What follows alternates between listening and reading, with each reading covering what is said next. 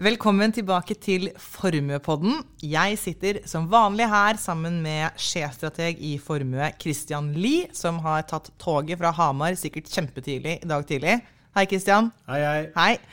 I dag så har vi en agenda, og den, er, eh, den kan man kjenne seg igjen i. Vi skal eh, først snakke om finansmarkedene og verdensøkonomien. Hva har skjedd siden sist? Eh, og så skal vi snakke igjen om inflasjonstallene i USA. Eh, og så er spørsmålet om vi går inn for en myk landing i amerikansk økonomi. Og så er jo spørsmålet, da, når snur markedet? Og det har eh, Goldman Sachs en eh, mening eh, om. Og sist, men ikke minst, så, eh, så rundt dette med stemning på investorer, så finnes det en månedlig undersøkelse på globale forvaltningsmiljøer. Og september-rapporten, den kom i går, så den skal vi snakke om helt til slutt. Men aller først, Christian. Ja, hva har, eh, hva har skjedd da, de siste to ukene? Det har vært eh, som vanlig begivenhetsrikt. Og, og for å oppsummere kort, så eh, steg eh, markedene ganske kraftig Oi. i de dagene som eh, oppløpet til denne inflasjonsrapporten som kom eh, i går. Mm. Og litt sånn som vi så i sommer, eh, hvor eh, markedene steg fordi man trodde at inflasjonen var i ferd med å, falle, så var nok også det den viktigste grunnen til at vi fikk disse dagene med veldig sterk eh, børsoppgang i, forkant av eh, inflasjonstallene, som vi skal snakke om litt etterpå. Ok, for da vil jeg lyst til å spørre Hvorfor trodde man at inflasjonen var i ferd med å snu? Men det kommer du kanskje tilbake til da senere. Jeg kan komme litt tilbake til det, Ja. men i hovedsak så handlet det jo om, eh, om forrige inflasjonsrapport, som viste at inflasjonen da eh, viste tegn til å, å avta. Mm. Og den eh, tendensen forventet da investorene at det ville fortsette. Og som igjen da vil kunne føre til en, en mindre aggressiv eh, amerikansk eh, sentralbank. Mm. Men bortsett fra det så har det vært uh, egentlig en eh, kontinuerlig oppgang i, i rentene. Uh, selv om markedet da har trosset dette her, så ser vi i USA at uh, både korte og lange markedsrenter fortsetter å stige. Og selv med bakgrunn i at forventningene til hva den amerikanske sentralbanken skal gjøre med styringsrenten, så steg da altså markedene på tross av dette her. Ja, for, for si, Hva mener du med at markedet trosser eh, dette?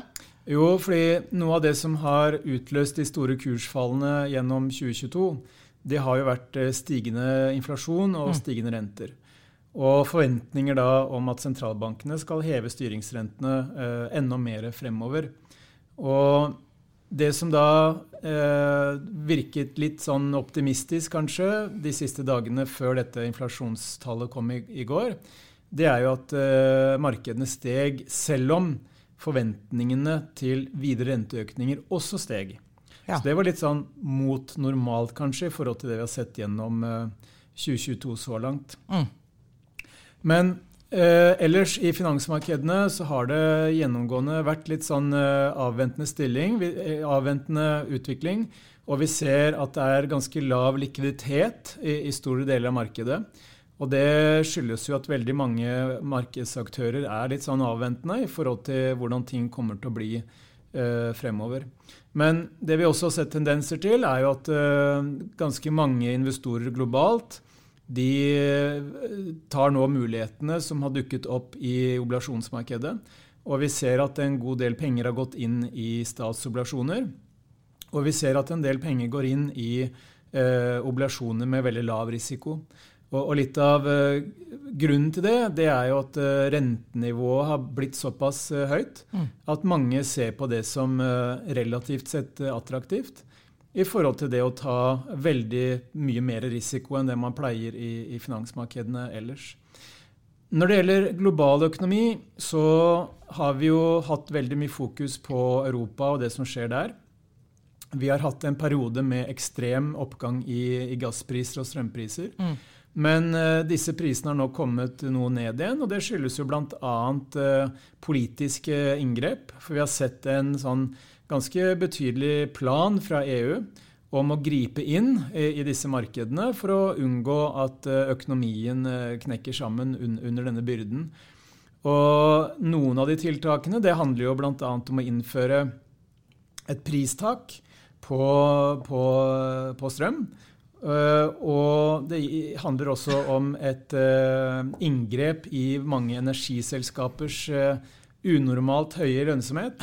Fordi vi ser jo det at veldig mange energiselskaper som da produserer olje og gass, inkludert de norske, ja. de tjener jo nå så sinnssykt mye penger pga. disse problemene. Mm.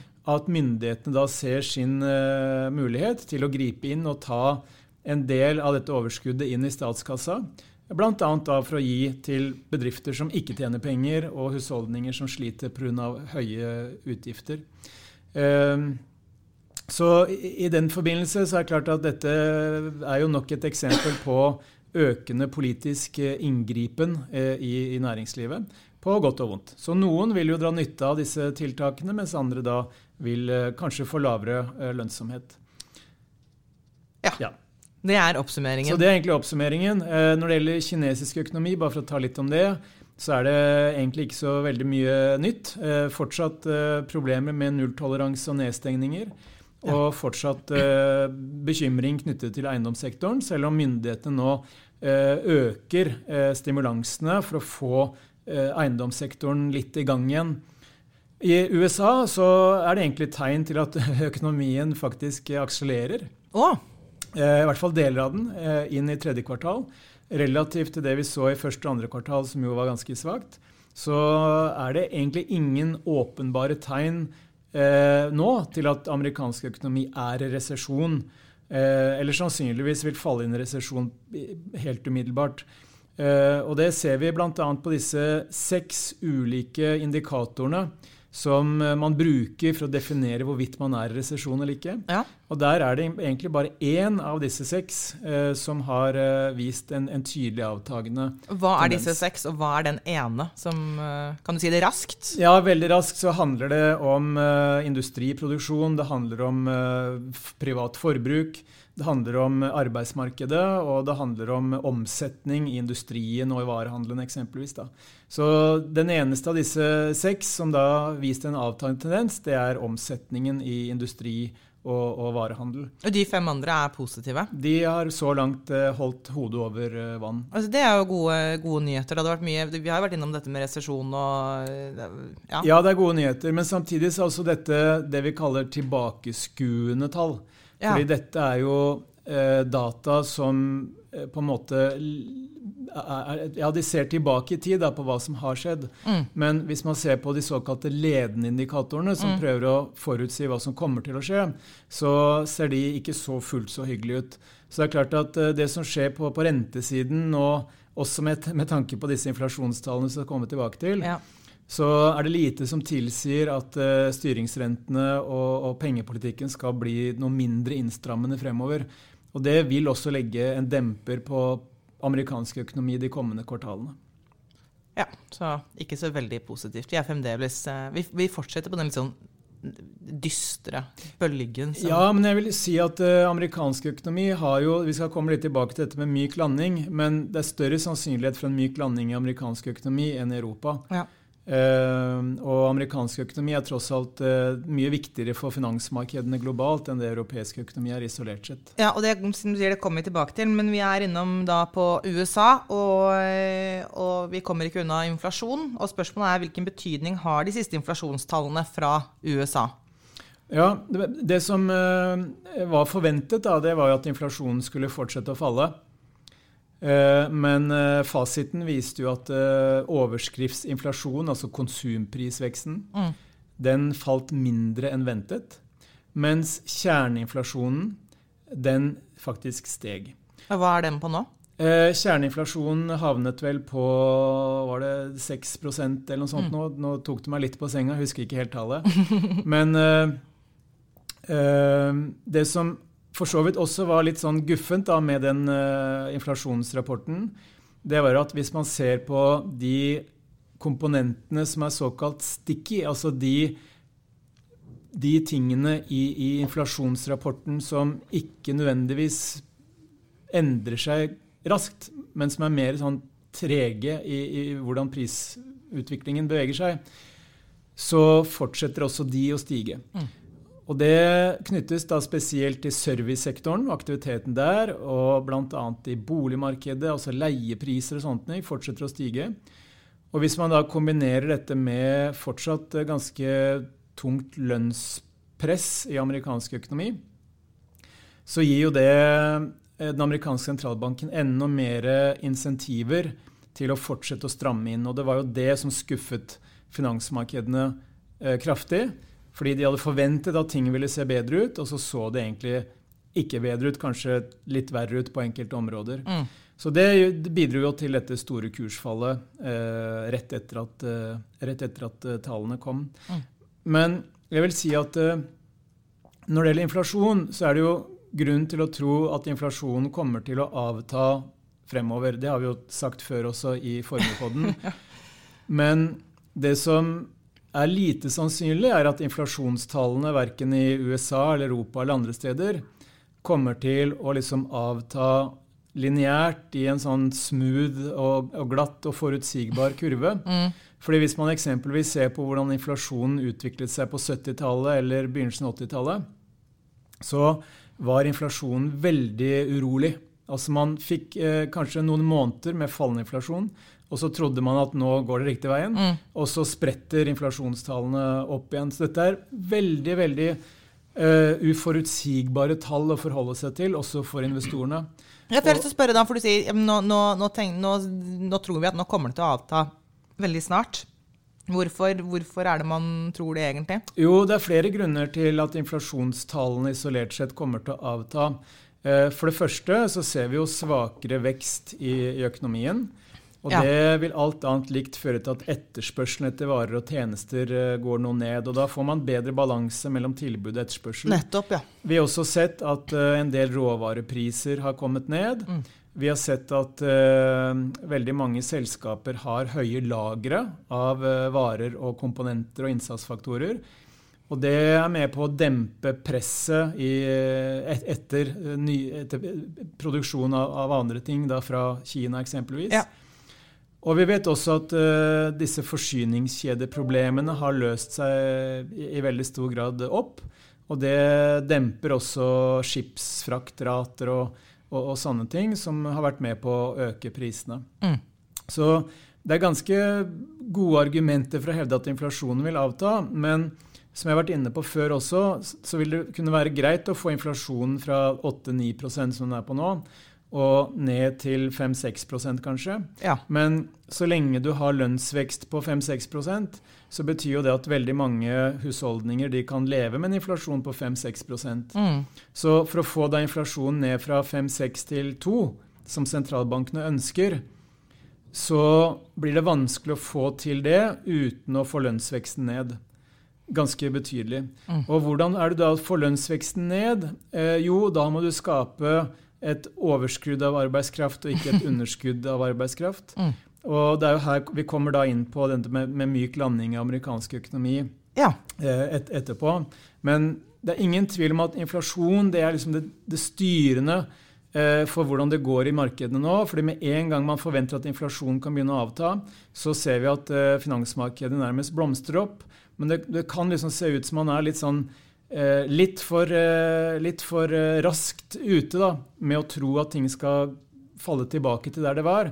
For det tror i hvert fall jeg det er lite sannsynlighet for. Jeg tror vi kommer til å oppleve de neste årene egentlig, at inflasjon er en, en, langt viktigere driver for både økonomien, for renter og finansmarkedene enn det vi har sett de foregående eh, 12-14 årene i særdeleshet. Hvorfor tror du det? Hva er, det som, ja, hva er grunnen til at du tror at og det er mange ting. Ja. Eh, det er eh, for det første at vi har en verden som eh, ikke lenger globaliseres på samme måte. Jeg sier ikke at globaliseringen går i revers, men det, det gjør den ikke. Men den fremgangen er i ferd med å stoppe opp og det nådd et slags metningspunkt på et vis? Nei, men, nei jeg vil ikke si Jo. Men, men, det viktigste er vel egentlig den geopolitiske situasjonen vi har i verden. Ja. Hvor uh, først og fremst da USA og Kina blir stadig mindre kompiser. Mm. Og hvor man ser at f.eks. USA ønsker nå å bygge opp sin egen uh, produksjon av ting som de tidligere har produsert i Kina. Ja. Og når vi vet også at kineserne ønsker å gjøre det samme, eh, så kan det bidra til at vi har russisk, kinesisk økonomi på den ene siden og europeisk og amerikansk økonomi på den andre. Og vi får mer regionalisering enn globalisering. Og Det vil alt annet likt føre til at produksjonskostnadene stiger, ja. som igjen betyr uh, høyere inflasjon. Uh, en annen uh, faktor her det er jo klimaendringene. Ja. fordi hvis vi ser på kombinasjonen av klimaendringer og de underskuddene, eller de, de underinvesteringene som har vært i fossil energi Vi snakket jo om dette energitrilemmaet mm. i, i, forrige episode. Så fremstår det i hvert fall for meg som, som klinkende klart at uh, når vi fortsatt da har rundt 89 eh, av verden som er avhengig av eller 89% av verdens energibehov kommer fra fossile kilder. Ja. Og det i tillegg da investeres uh, mye mindre nå i fossil energi enn det er blitt gjort tidligere. Mener du fornybart nå, eller mente du Nei, fossile, det, ja, okay, det investeres for lite i, i fossile energikilder. Ja og vi ikke klarer å implementere fornybare kilder raskt nok, mm. så vil det kunne føre til at vi de neste årene ser flere eh, spikes ja. i energiprisene. Da må jeg bare si noe også om fornybart. Eh, nei, fordi selv om det har vært en stor investering i Eller man har bygget ut fornybart nå de siste 30 årene og, og mer også, så er jo andelen i den totale energimiksen i verden er jo lavere enn den var på 90-tallet. Ja. Mm. Så det, det, i seg selv eh, er jo skremmende med tanke på at mange myndigheter nå øker aktiviteten innenfor kullproduksjon mm. fremfor å, å, å, ta i bruk enda mer fornybar. Øker jo Europa for første gang på 20 år nå. Ja. Mm. Så, så, dette med ubalanser i råvaremarkedene, og det har omtalt som en energiskvis, eh, tror jeg kan være med på å gi mer urolig inflasjon. Fordi energipriser er en ekstremt viktig innsatsfaktor også i produksjon av mat, som igjen da kan føre til uh, høyere konsumpriser for, for, husholdningene. Og når vi da vet at uh, inflasjon er viktig for hvordan rentene utvikler seg, og rentene er viktig for hvordan økonomien og finansmarkedene utvikler seg, så vil uh, den energisituasjonen den vil kunne bli ekstremt viktig mm. for også det vi driver med når det gjelder investeringer fremover. Veldig så, spennende. Ja, så Det er to, to, ting som taler for at vi kan ha et høyere inflasjonsnivå. Og kanskje mer urolig inflasjon de neste årene. Så vi har egentlig hatt da, som sier, liksom 14 år nå som har vært litt sånn behagelig, hvor ikke det har vært så, så drivende, da? Kan man si det sånn? Ja, helt riktig. Mm. Eh, i, i, prinsippet så har jo inflasjonen vært avtagende siden 80-tallet. Eh, ja. Og det er derfor rentene også nesten har vært i fritt fall siden, siden 83-84. Eh, mm. Men de, hvis vi ser på de siste 20-22 årene, så har det egentlig vært et sånn todelt skille. fordi hvis vi ser på utviklingen i verdensøkonomien fra 2001 til finanskrisen, så så du jo en kraftig vekst i Kina i emerging markets, drevet da av eh, billig kull. Mm. Og så, etter finanskrisen, så kom jo den eh, amerikanske skiferrevolusjonen. Mm. Som da førte til at vi i 2014 fikk et oljeprisfall på 70 bl.a og som da drev verdensøkonomien da gjennom eh, billig fossil energi. Men nå i 2022 så er vi i en situasjon der hvor ESG og alt dette fokuset på transisjon har bidratt til at det investeres nå mye mye mindre i olje og gass enn før. Ja. Og da får vi rett og slett mangel på energi, som man nå ser så tydelig i Europa. Skal vi da gå over da mot myk og hard landing? Hva er, eh, altså, hva er, forskjellen på en myk og en hard landing? Og går vi mot en myk landing i amerikansk økonomi? Det har du nå touchet innom, men eh, la oss snakke ordentlig om det. Ja, eh, Forskjellen på en myk og hard landing er jo egentlig at en myk landing er en oppbremsing i økonomien som eh, ikke fører til en resesjon eller en selvforsterkende negativ spiral. Mm. Og en myk landing er jo det man kan håpe på som et, et, beste utfall på sett og vis da, i den situasjonen vi er i nå. Hvor uh, rentene stiger, man har inflasjon, også at kjøpekraften presses. Uh, en hard landing det er jo det vi kan kalle kanskje en resesjonslignende tilstand. Hvor økonomien uh, går på en smell, en hard landing. Og gjerne da også hvor arbeidsledigheten stiger, slik at kjøpekraften for husholdninger tynges ytterligere. Og hvis kjøpekraften for husholdningene faller videre, og det private forbruket faller, så vil jo det gå utover etterspørselen etter ja, varer og tjenester som næringslivet selger. Mm. Og da vil omsetningen i næringslivet bli mindre, og inntjeningen vil, vil bli lavere da, i, i, en periode. Så det er egentlig forskjellen på en myk og en hard landing. Og det som da er eh, det store spørsmålet ikke når det gjelder europeisk økonomi, fordi europeisk økonomi går nok mot en, en, en hard landing. Resesjon, altså? Ja.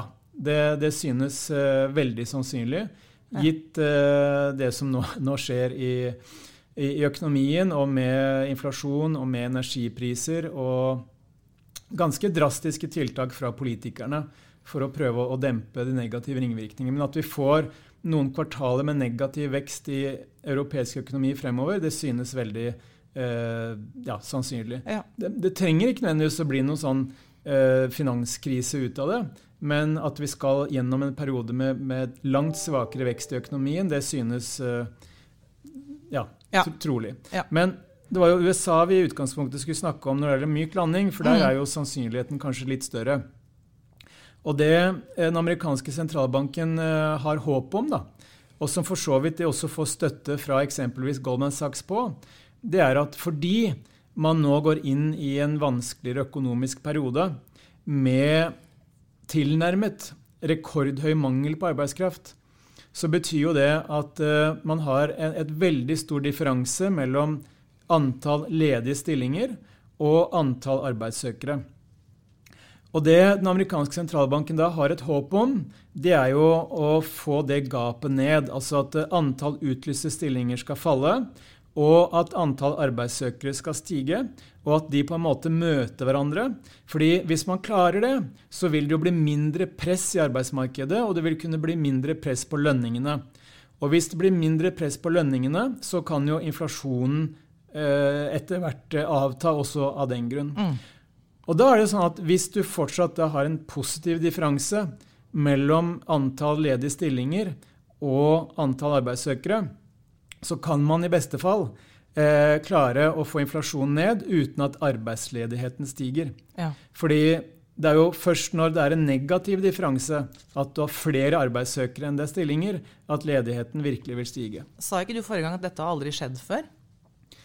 Jo. Ja. ja. Men nå, nå, nå, nå, drepte du litt optimismen her, da. Ok, unnskyld.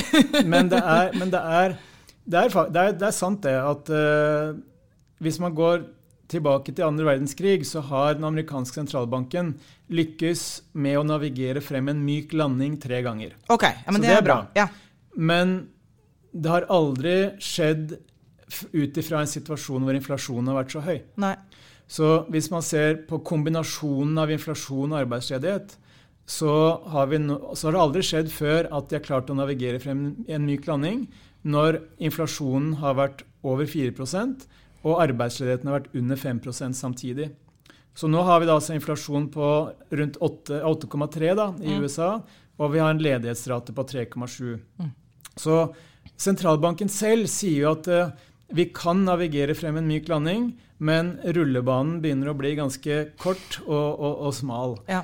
Uh, men uh, sånn som Goldman Sachs for eksempel, de ser fortsatt bare en tredjedels sannsynlighet for resesjon i USA de neste tolv månedene og rundt 50 sannsynlighet de neste 24 månedene. Ok, Så, så spørsmålet om vi går mot en myk landing av amerikansk økonomi, så, så, er det Vi krysser fingrene for det. Det kan se det, det, er mer sannsynlig at vi gjør det, enn at vi ikke gjør det. Uh, Nja, jeg, jeg, vil nå si at uh, det som er utfordringen for sentralbanken, da, det er jo at når de gjør noe med renten, mm. setter opp renten f.eks., så virker det på økonomien med en forsinkelse på 18-24 måneder. Og Det betyr jo at sentralbanken i prinsippet opererer litt i blinde. Fordi ja. de, Man kan jo ikke vite hvordan en renteøkning i dag eh, vil sammenfalle med økonomisk utvikling 18-24 måneder frem i tid. Nei. Og Derfor så øker risikoen da, for at man får en, en såkalt policy error. Og Det betyr på norsk at man strammer inn f.eks. For, for mye i forhold til hva økonomien faktisk eh, tåler. Ja. Så det, man kan egentlig si at risikoen for en såkalt uh, policy mistake, eller policy error, mm. den er nesten høyere i USA enn den er i eurosonen. Fordi i eurosonen så er vekstutsiktene såpass mye svakere at det er eh, mer sannsynlig at ECB, sentralbanken, Mm. vil bøye av raskere enn det eh, Fed nå har mulighet til å gjøre. Ok, Så går vi mot en myk landing i amerikansk økonomi? Det kan vi ikke vite. Juryen er på gangen. Men, men kanskje. Du har nevnt Goldman Sachs nå eh, flere ganger. Eh, og hva sier de om når snur markedet?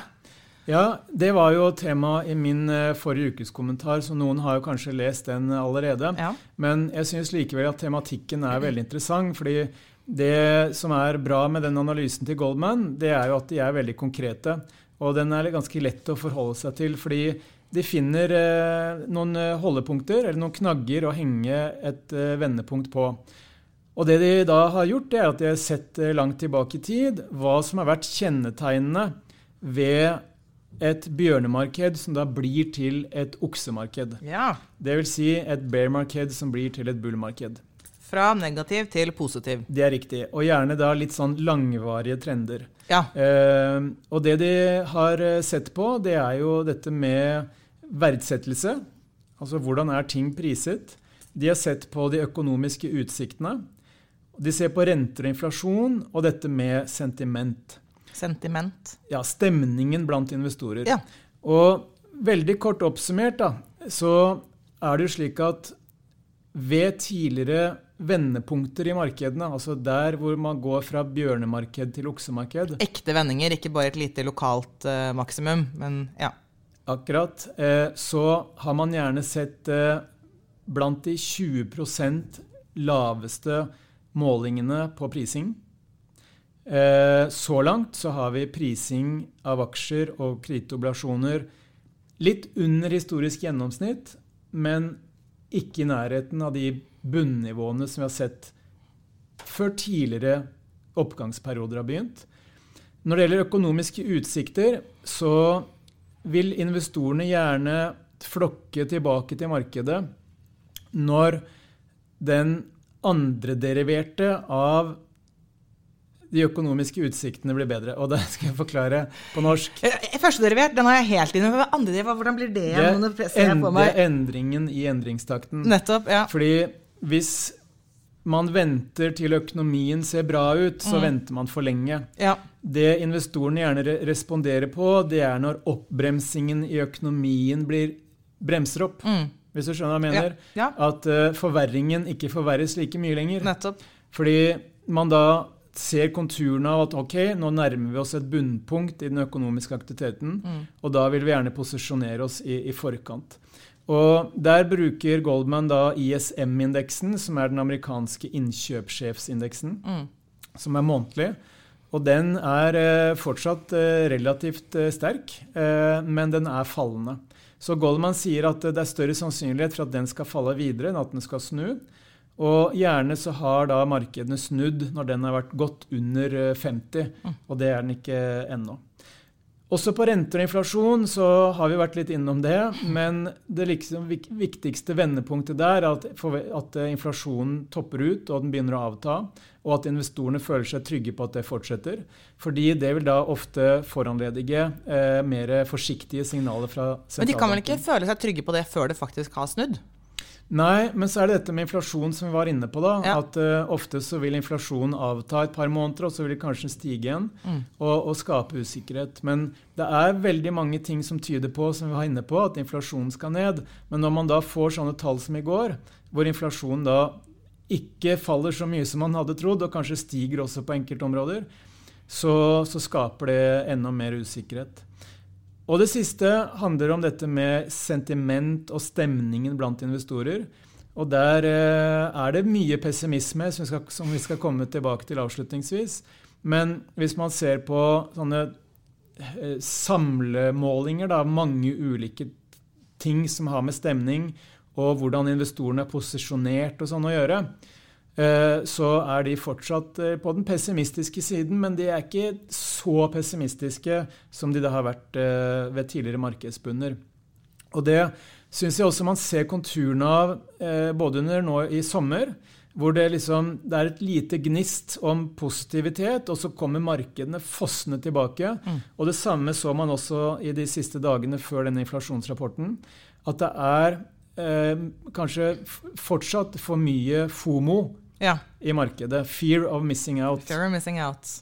Og jeg, jeg, tror nok at for at vi skal liksom få et vendepunkt her som varer en stund, så må kanskje flere bli kvitt den fomoen. At man Ja. blir liksom mer engstelig eh, enn at eh, dette går oppover hele tiden. Ja. Så, Så- folk, så, så, så markedene er på en måte ikke ordentlig Selv om det er negativt og har vært det lenge, så er det allikevel ikke en ordentlig liksom, Nei, frykt og negativ stemning, på en nei, måte? Nei, jeg er helt enig. Og, og det som man kan reflektere litt over, da, som uh, min, min svenske kollega også og nevnte for meg, det er jo at uh, hvis man ser på gjennomsnittlig alder på de som er aksjeanalytikere eller makroanalytikere, eh, for så vidt også de som sitter med trading av, av eh, aksjer for banker osv., så, videre, så er jo gjennomsnittsalderen sannsynligvis rimelig Den er for lav til at man har gjennomlevd inflasjonen på 70-tallet. Nettopp, ja. Og det, det jeg tenker da, det er at det er kanskje mange der ute som eh, tenker at dette vil bli nok en sånn V-formet eh, nedtur, hvor ting faller, og så stiger igjen med en gang. Bare sånn, ok, det blir en dipp, men så går det raskt oppover, liksom. Ikke sant? For Ja. det er sånn det har vært egentlig helt siden finanskrisen, da, spesielt. Ja. Annet eh, pga. det eh, sentralbankene har, har, har hjulpet økonomien og finansmarkedene med. Så det kan være at man rett og slett ikke ja, eh, tar inn over seg kanskje det som skjer med renter og det som skjer med inflasjon, at det kan eh, skape utfordringer. Ut, ut fra alt du sier, når jeg tenker på hvordan, hvordan vi har hatt det nå på alle disse episodene eh, hele dette året, så høres det veldig ut som det at eh, vi tar det ikke egentlig ordentlig innover oss. Men vi må, vi må også gå inn for myk landing her i, eh, i Formepodden, så da er det siste punkt på dagens program, som er denne rapporten som kom i går. Christian, fortell om den. Ja, det er jo Bank of America sin Global Fund Manager Survey. Og det er en rapport som får ganske mye oppmerksomhet eh, i finansmediene, også blant eh, investorer. Og grunnen til det, det er at den er ganske omfattende. For her spør man da to, over 200 ulike respondenter som da jobber innenfor kapitalforvaltning, hedgefond, pensjonsfond, altså ganske tunge miljøer. Eh, og til sammen så forvalter disse respondentene eh, 616 milliarder dollar. Så det er ganske mye penger det er snakk om. Eh, men før jeg kommer til september-rapporten, så vil jeg også si at jeg har lest disse rapportene nå i mange, mange år. Og mitt inntrykk er at de, de er ingen god, kall det ledende indikator. De sier ikke så veldig mye om hva som kommer til å skje. De, sier, de, de er mer en refleksjon av hva som har skjedd. Og den stemningen som er i markedene basert på det som har skjedd. Så vi skal litt forsiktig med å tolke dette som veldig depressivt fremover, fremover. Eh, selv om stemningen da er, er ganske pessimistisk. Men, men det som er også interessant, da, det er jo at de gangene hvor pessimismen har vært så utrert som det den er nå, så har det historisk egentlig vært et kontrært positivt signal. Eh, Et kontrært positivt signal. Eh, hva mener du med det? jo, det betyr at når denne rapporten er veldig, veldig negativ, så har det historisk egentlig vært et sånn lite positivt signal, i hvert fall for de som er langsiktige. Ja. Det, det kan indikere at uh, ting er billig, og at ting uh, egentlig representerer en kjøpsmulighet mer enn noe annet. Men, uh, men for å oppsummere rapporten, da, så var den nok en gang veldig pessimistisk. og kontantbeholdningene hos disse forvalterne, som da er en refleksjon på hvor mye penger de tar ut av markedet og setter på, på banken, holdt på å si, da, steg til 6,1% Og det er det nest høyeste nivået i denne rapportens historie. Jeg tror den går tilbake til 94. Og den eneste gangen kontantbeholdningen har vært høyere, det var etter eh, 9-11. Ja.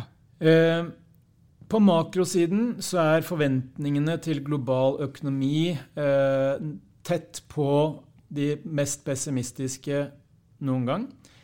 Og en nettoandel på 72% forventer en svakere vekst i verdensøkonomien eh, neste år. På den positive siden så er det en nettoandel på 80% som forventer lavere inflasjon. Så det kan jo da være en formildende faktor. På eh, pengepolitikk så forventer eh, gjennomsnittet av disse respondentene at den amerikanske styringsrenten den topper ut på mellom 4 og 4,25 prosent i løpet av andre kvartal neste år. Og det stemmer jo sånn rimelig bra med det markedet priser inn i øyeblikket. Eh, hvor markedet tror da at styringsrentene vil være på 4,3 eh, ved inngangen til andre kvartal eh, neste år. På dette med risikovillighet, som også er et sånt spørsmål i, denne undersøkelsen, så er det da en nettoandel på 60% som nå sier at de tar mindre risiko i sine investeringer enn vanlig. Og de tre største oppfattede risikofaktorene, det er inflasjon, det er haukete sentralbanker, altså aggressive sentralbanker, mm. og det er geopolitikk. Og dette er jo mye av det vi har snakket om gjennom hele 2022. På allokering så eh, har de som nevnt da en rekordhøy overvekt i kontanter, og det er faktisk også en rekordhøy undervekt i, i aksjer. Når det gjelder sektorer og sånt nå, så er det en veldig tydelig defensiv ridning. Eh, de har den største undervekten i europeiske aksjer noen gang. Og den største overvekten i, kall det, kortvarige forbruksvarer siden desember 2008. Kortvarige forbruksvarer det er altså de vanlige tingene som vi må ha uansett om det er gode eller dårlige tider. Mm. Og det er ofte da veldig defensive eh, type, type aksjer. Så oppsummert så var uh, denne rapporten ikke noe å rope hurra over. Det er Nei. ganske mye pessimisme der ute. Men uh, basert på det som skal til for at markedet skal snu, så vil jo pessimisme da i utgangspunktet for de som er langsiktige, være et utgangspunkt, et bedre utgangspunkt for investeringer enn når optimismen dominerer fullstendig. Ja, fordi det er rimeligere å komme seg inn, og så må det jo snu på et eller annet tidspunkt, og så tror man at det kanskje kommer til å skje snart? Absolutt. Og så ja. er det dette med prising som vi var litt inne på, at nå har jo prisene på aksjer og oblasjoner blitt mye hyggeligere. Mm. At det ikke nødvendigvis er like hyggelig som de var på bunnpunktet under finanskrise f.eks.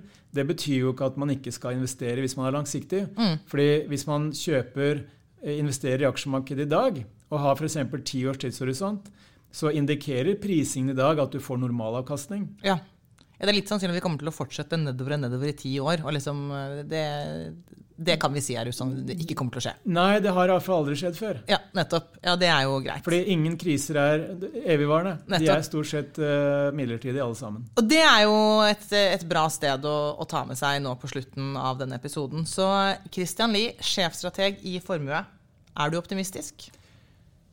Jeg skal si at eh, jeg er ikke veldig optimistisk eh, hvis vi ser på de kommende kvartalene. Nei. Men jeg er fremtidsoptimist. Jeg tror at menneskeheten har en eksepsjonell og bevist evne til å løse problemer.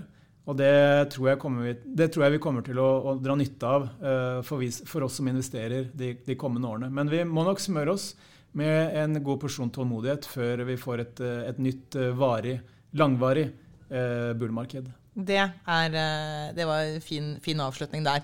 Eh, tusen takk til deg som lyttet. Jeg heter Sunniva Rose, og vi, eh, vi ses, høres igjen om ca. to uker.